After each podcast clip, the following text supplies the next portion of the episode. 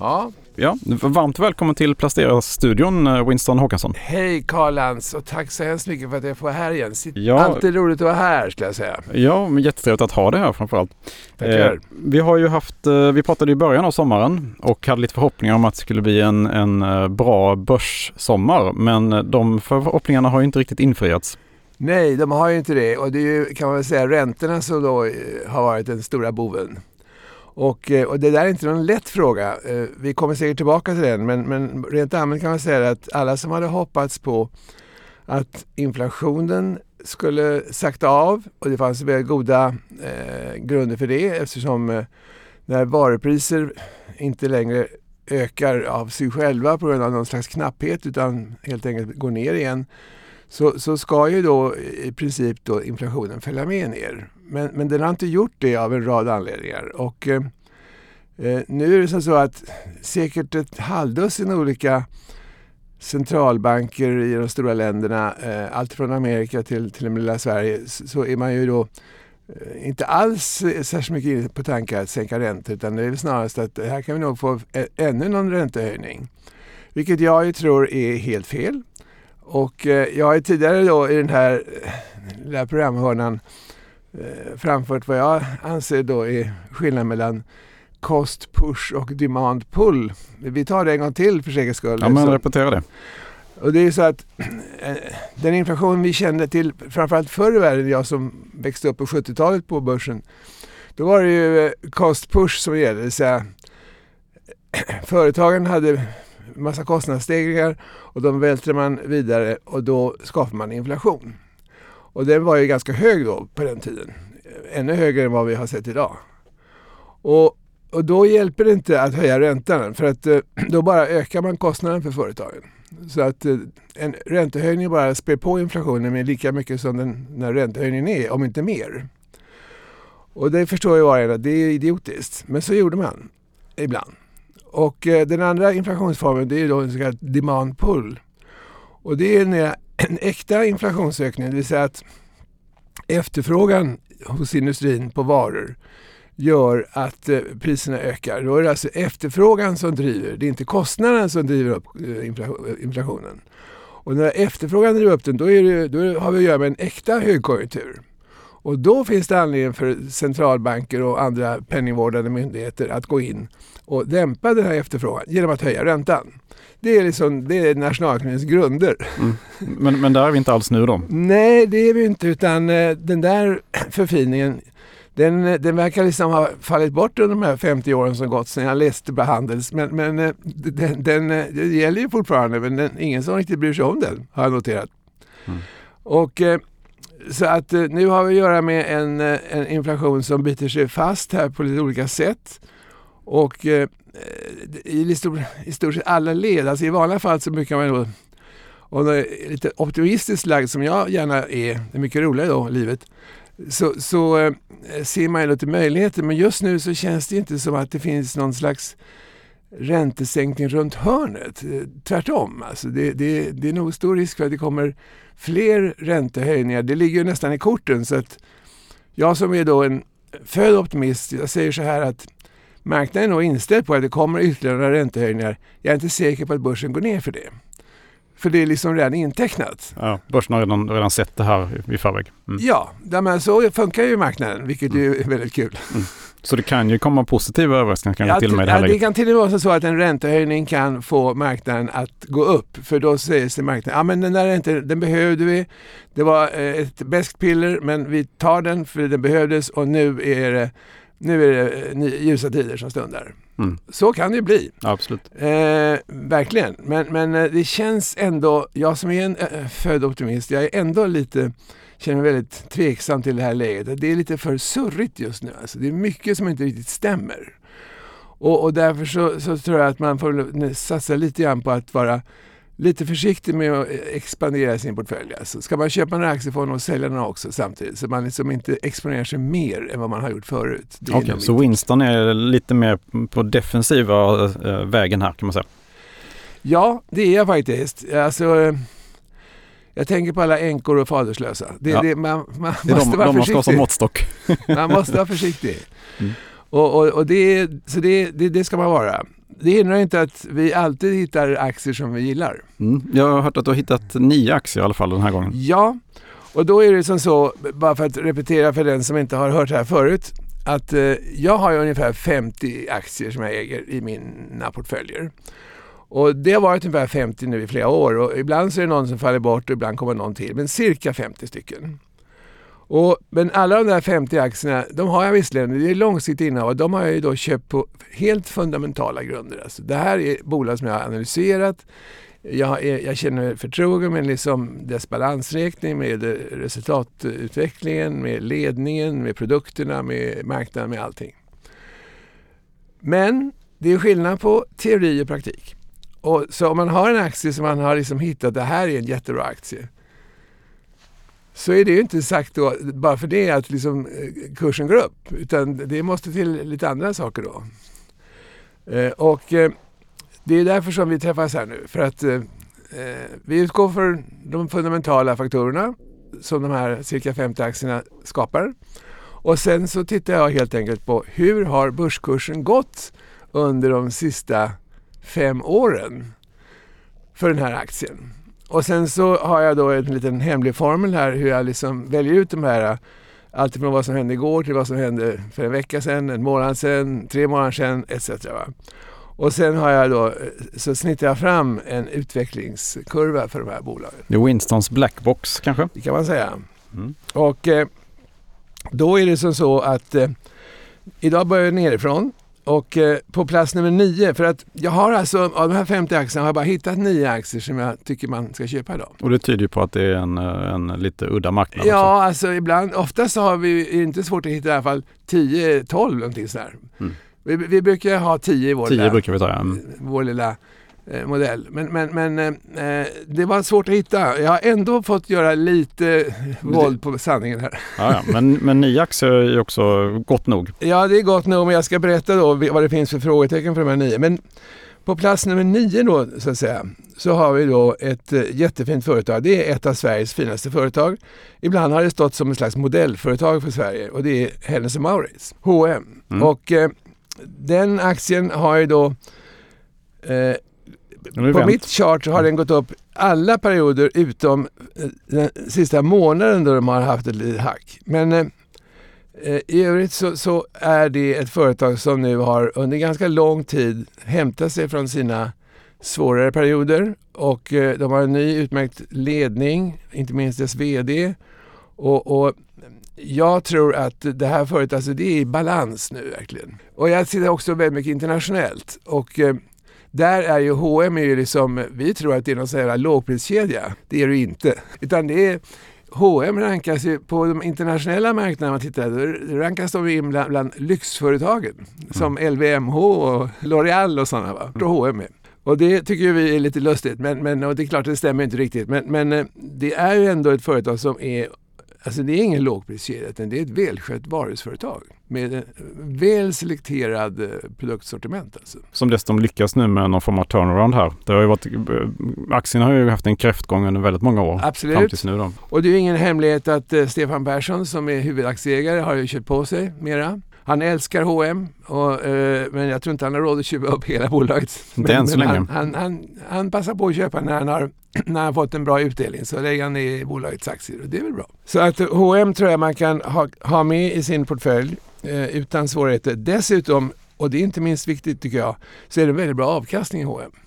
Och eh, eh, det är vi glada för. Plats nummer åtta då? Plats nummer åtta är ett företag som heter CTT Systems de har vi också haft med förut, fast det var ett tag sedan. Mm. De tillverkar enkelt uttryckt luftfuktningssystem för flygplan. Och det är en nästan världsunik verksamhet för lilla Sverige att vara med där. Underleverantörer till Airbus och sådana här. För det är otroligt eh, torrt på flygplan. Att eh, det, är ju, alltså det är ju eh, samma luftfuktighet som det är i en öken ungefär. Ja, det, det, det behövs ju verkligen luftfuktningssystem ja. i, i flygplan. Och de har ju, jag har ju tittat på den här, för, den här aktien i många år va? och den har ju gått, på lite längre tid så har den gått fantastiskt bra. Och eh, nu har den väl inte gått så jättebra på sista åren men alltså produkterna finns ju kvar och eh, men som alla minns så var det ett, ett jäkla hack i, i flygplansindustrin av, av naturliga skäl. Mm. Och, och, den har ju nu, är nu passerad och, och CTT liksom eh, trampar på nu igen. Och efterfrågan hos Airbus är ju enorm. Ja visst är det det och, och de levererar till ett flertal flygbolag alltså. Så att jag tror att de är faktiskt är världsledande på det här med luftfuktning i mm. flygplan. Och, eh, så det är en aktie som jag tycker, alltså det är en långsiktigt, ett långsiktigt innehav förstås. Mm. Men, men eh, eh, nyckeltalen är ändå bra. Så att, eh, ja, CTT.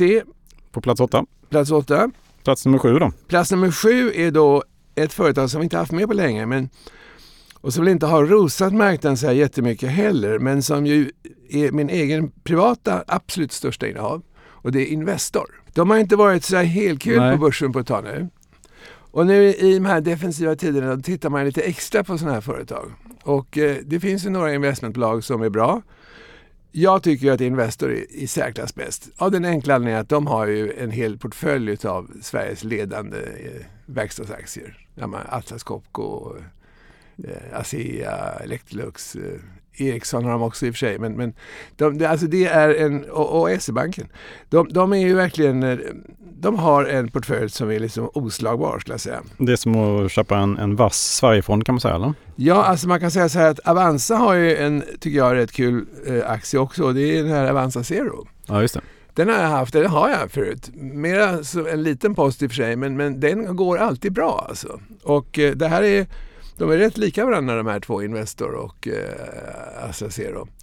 Och, och, jag vet att Sven Hagströmer som, som ju då är ordförande i Avanza, han eh, gillar ju då eh, inte fondbolag egentligen.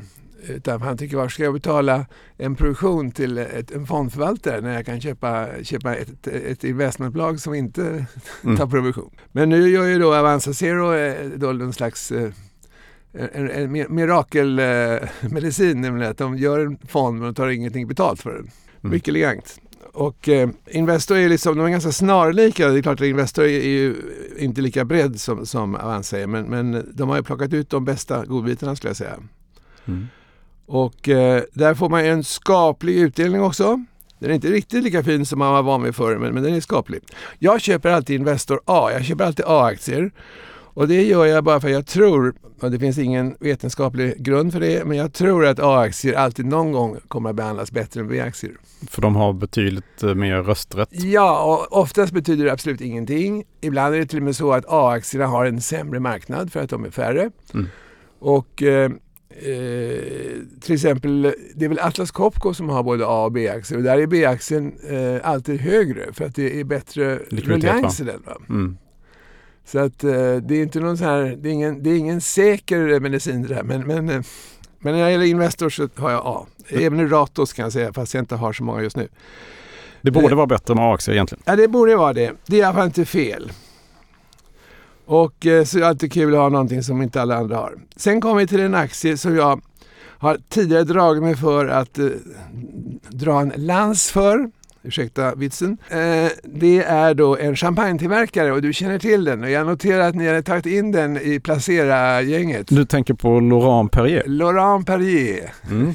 Ja men den är väl intressant, familjeägt? Uh... Ja men det är ett familjeägt champagnebolag och vad kunde vara bättre säger jag då som är både champagnedrickare och aktieplacerare. Mm. Så att eh, Laurent och, Perrier... Och ganska lågt värderat också? Ja det är ganska lågt värderat. För att vara ett vinbolag är det mycket lågt värderat kan man säga. Mm. Och för att vara en aktie aktie är det väl, ja det är inte, det är inte högt värderat i alla fall. Det är kanske mitt i någonstans. Jag tänkte att det, det där skulle kunna vara ett, eh, om inte annat ett uppköpsobjekt för LVMH eller någon sån där aktör. Jo men det är det man tänker. Det, var, det värsta är bara att LVMH, det, alltså dels kostar det en slant att köpa upp eh, Laurent Perrier. Det kostar väl en 7-8 miljarder eller något sånt där.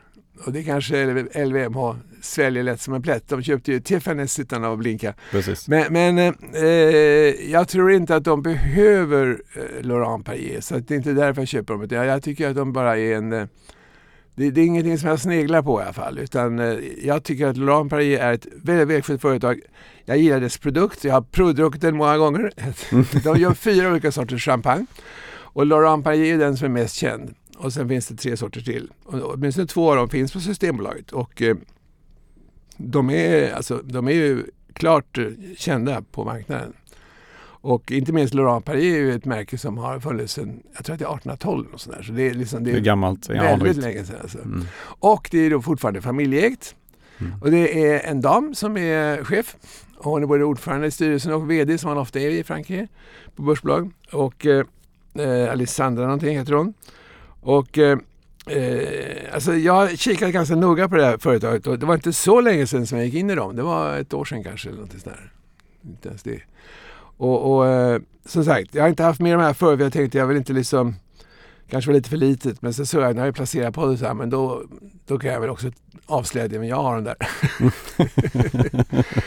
och, eh, och de, de eh, vi får se om det är någon mer som tycker att den är bra. Men, men eh, eh, alltså marknaden är ju inte så stor idag men alltså det, det, man, man, kan inte påverka kursen genom att köpa det. Jag har noterat det. Alltså det mm. den, är, den är för stor för det. Den är för stor för det. Ja. Nej, men det är väl trevligt att ha en del av, eh, av champagnekylen på börsen så att säga. Ja men visst är det. Visst är det. Sen har jag då, när vi ändå är inne då på lite sådana här eh, roliga aktier så, så det finns ett företag som jag har tittat på många gånger och alltid avfärdat och du vet Carl precis vad det är. Det är det här med bankaktier. Jag är rädd för svenska Särskilt bankaktier. Svenska banker, ja. För jag är rädd för deras refinansieringsmöjligheter. Om det, nu hettade det till lite när Baltikum här, här om veckan när de skulle liksom titta på det. SE-banken och Sparbankerna är det väl som har haft fingrarna för långt ner i syltburken i, i Estland. Det är lätt, lätt att få ner fingrarna där ja. Ja, det här är ju rätt länge sedan det är många år sedan det här hände. Men nu mm. är det någon slags efterverkning på den här skandalen. Jag vet inte alls rättsläget. Men, men, eh, men eh, i alla fall så eh, jag har kikat på de, de fundamentala faktorerna då. SE-banken är ju faktiskt fortfarande ganska billigt. Så att jag har tagit med SE-banken idag. Och det är då med en liten riskvarning att svenska, aktier, svenska bankaktier är inte solklara. Liksom solen lyser inte alltid på dem utan det kan komma dåliga tider också. Va? Men deras riskportfölj som man kan se den idag är ju inte alls dålig på något sätt. Det finns inte, det är inget äventyrligt med att köpa bankaktier. Och säkert är Handelsbanken också bra men, men på något sätt så tycker jag att SE-banken är bättre. Och, eh, det är väl min, skulle jag inte röra de andra stora mm. bankerna. Förlåt? Mm. Det är väl mindre bolån i alla fall i uh, eh, SE-banken också? Ja det är det, absolut. Det, det, är mest företagslån. Det är det som är det intressanta tycker jag. Att det är mm. mycket företagslån, lite privatlån. Mm. I jämförelse med andra banker i alla fall. Och, eh, eh men det är klart att om man ser till lönsamheten så bolån rätt skött blir ju en bättre marginal än företagslån. För företagen är liksom mer professionella på att liksom mm. låna upp pengar. Så de betalar bättre. ingenting onödan för det. Ja, det. Och medan privatpersoner de är mer envisa att jag måste finansiera mitt boende och jag är kund i den och den banken. Alltså, mm. ja. man, man shoppar inte runt så mycket som man kan tro att man skulle göra. Utan det, man tar det som finns. De är lite slarviga också kanske. Runt mm. hörnet liksom. Finns det en bank, mm. den. jag tror det är så. Men, men i alla fall. Eh, eh, kombinationen av eh, lågt eh, värderad P-tal och eh, bra avkastning och en trygg placering gör ändå att jag tar med SE-banken i vår portfölj idag. Då är, det, är vi på nummer fyra nu då. Nästa. Nummer fyra är då ett svenskt geniföretag som har gått lite under radarn tycker jag ett bra tag och det är Biogaia. Mm. Ja, de har ju då för länge sedan kommit på en, en bakterie som heter Lactylus någonting som, som gör att eh, Alltså filmjölk är ganska nyttigt om man äter det på rätt sätt. Mm, bra för eh, magen. Den där, exakt, och den där bakterien har man utvecklat. Och jag går ju och tror att någon dag så kommer eh, ett stort schweiziskt, ett av Europas största företag att lägga ett bud på Biogaia. De har redan köpt vissa delar av Biogaia. Jag tänker då på... Eh, Nestlé. Förlåt? Nestlé eller? Nestlé, ja. Mm. Absolut. Jag tror att de kommer att göra det så småningom. Och, eh, men eh, det, det händer inte imorgon utan det är ingenting som jag vet överhuvudtaget kommer att hända nu. Men, men eh, ja. Någon gång? Ägarfamiljen blir äldre och plötsligt så finns det ingen som ska ta över och då kanske man, ja, man kanske ska sälja. Man får ett bra pris där. Mm. Ja, kanske. Jag har inga informationer utan jag bara konstaterar att det här är läget. Det, det, är den riktningen det går i alla fall. Mm. Ja, och det är ett välskött företag alltså. Bygga. Väldigt välskött företag. Mm. Ja, då var det... Och plats nummer fyra är då också ett företag vi haft med förut flera gånger och det är eh, ett försäkringsbolag. Jag gillar återförsäkringsbolag. Mm. För de har de har normalt sett har ett återförsäkringsbolag som är av format och som är välskött. Det finns inte mer än ett knappt halvdussin i världen. I Europa i alla fall. Så, så de har ju alltid, om de inte gör en total dundertabbe, så har de alltid fördelat sin portfölj så mycket så att de alltid klarar sig. Det är liksom själva affärsidén. Det kom ju Warren Buffett på redan för 50 år sedan. Mm. Och, eh, och det stämmer ju fortfarande. Och då finns det ett, eh, Swiss Re ett sånt bolag till exempel. De är ganska bra. Och, och det finns eh, ett par till. Eh, det finns ett i Frankrike som jag pratade om förut. AXA. AXA, tack. Också bra. De har jag haft eh, med länge men, men eh, de har liksom på något sätt har de blivit omseglade av München Och jag tycker man ska bara ha ett ändå försäkringsbolag, återförsäkringsbolag. Och München det är bra på alla sätt kan jag säga. Det finns inga fläckar i det företaget.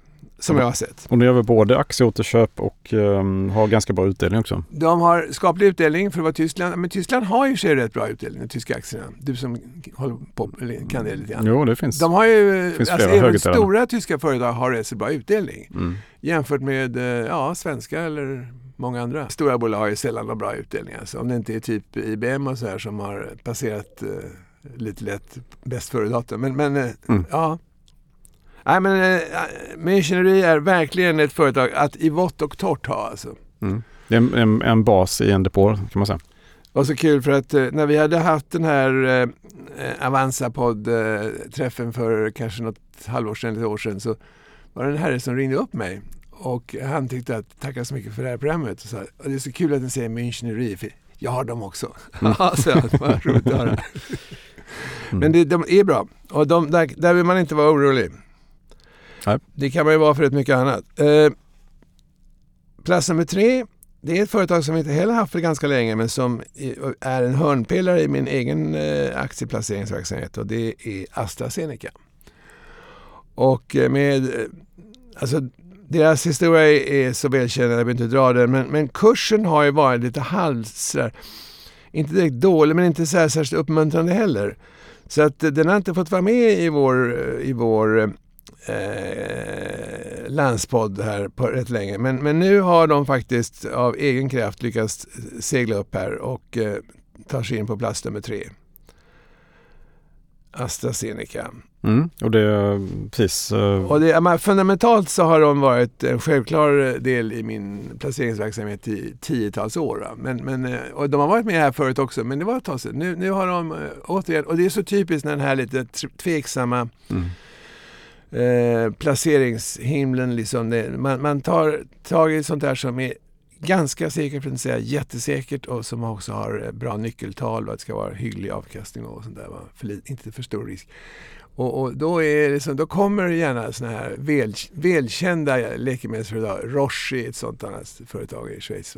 Och, och Novo Nordisk inte minst. Och Novo Nordisk, men de, de, de kommer. och eh, så att Därför är AstraZeneca med. Och de har också ändå hygglig avkastning. För att vara ett läkemedelsföretag i den kalibern så är det bra. Någonting på 3 procent. Sen har vi då en liten joker på plats nummer två. Ja, vad spännande. Mm. De har varit med tror jag någon gång här förut.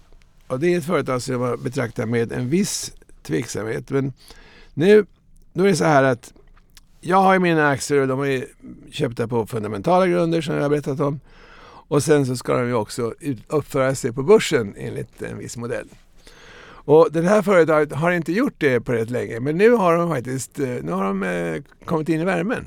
Och det är då Banca Monte de Paschi di Siena. Ja, världens äldsta bank. Världens äldsta bank, grundad mm. på 1400-talet. Mm.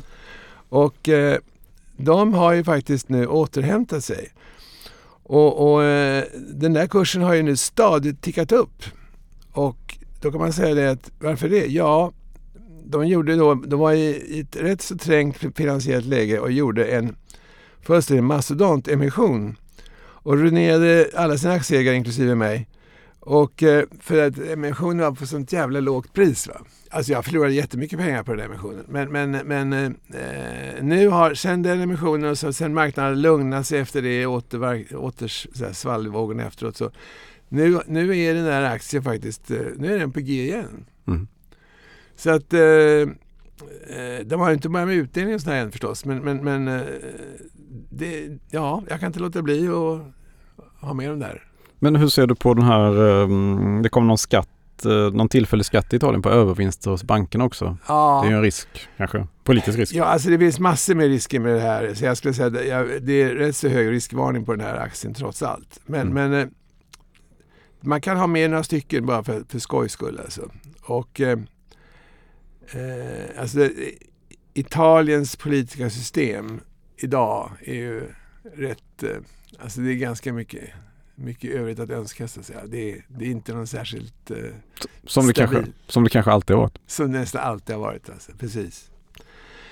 Men, men eh, nu har jag följt den här aktien så pass länge och jag har noterat det här att eh, den här, de var ute verkligen och, och, och kanade på, på, på hal is för, för ett tag sedan. Men, men de har liksom på något sätt kommit tillbaka in i värmen och eh, det tickar på. och eh, eh, det är ju en rätt skaplig avkastning alltså. Eller det är ingen avkastning alls men det kommer att bli antagligen en ganska skaplig avkastning. Och kursen har ju då från emissionskursen 2 euro så är den uppe i kanske 2,60 eller vad det kan vara. Någonting sådär.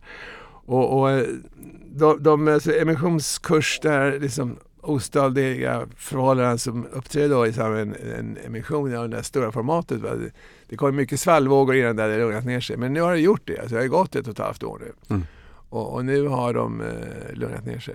Okej, okay, så du, du äger Montepaschi di Siena och du äger SEB Ja. Och sen vet jag att du äger Bank of New York också. Ja, just det. Mell mellan Bank men de har jag varit med länge och, och JP Morgan. Och JP Morgan. Ja. Är det någon mer bankaktie du har i din stora portfölj?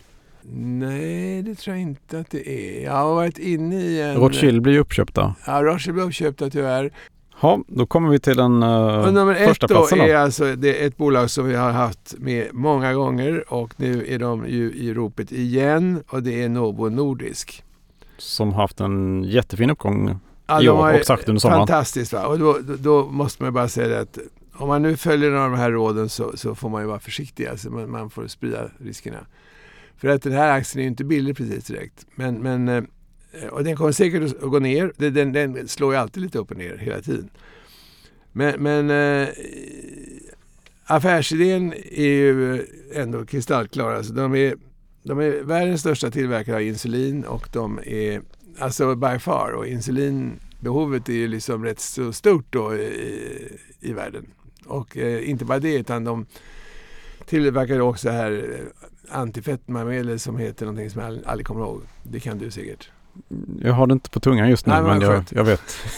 jag vet att det finns. Jag, som... jag, har inte stort behov av det just nu ännu. Nej det har du verkligen inte.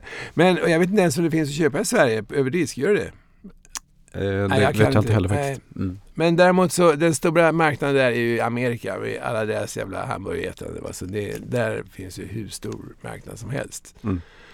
Och som jag vet så finns det inget företag som konkurrerar. Det kommer säkert komma de som gör det också småningom, mm. såklart. Ja, jag vet att jag skrev precis om eh, det som tidigare var Weight Watchers ja. som heter VV International idag. Just det. Och de köpte precis upp ett, eller köp, i april köpte de ett bolag som heter Sequence.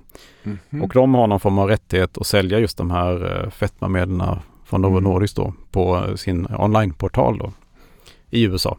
Mm. Och eh, det är väl det, en del av det som de tror kommer att driva Weight Watchers eller VV Internationals tillväxt då framöver, att man just har den här delen också då. För annars har man bara haft så här rådgivning och eh, eh, alltså kost, kost eh, man, man poängsätter mat du äter och sådär och mm. olika program. Men, men nu kan man även då sälja läkemedel då liksom.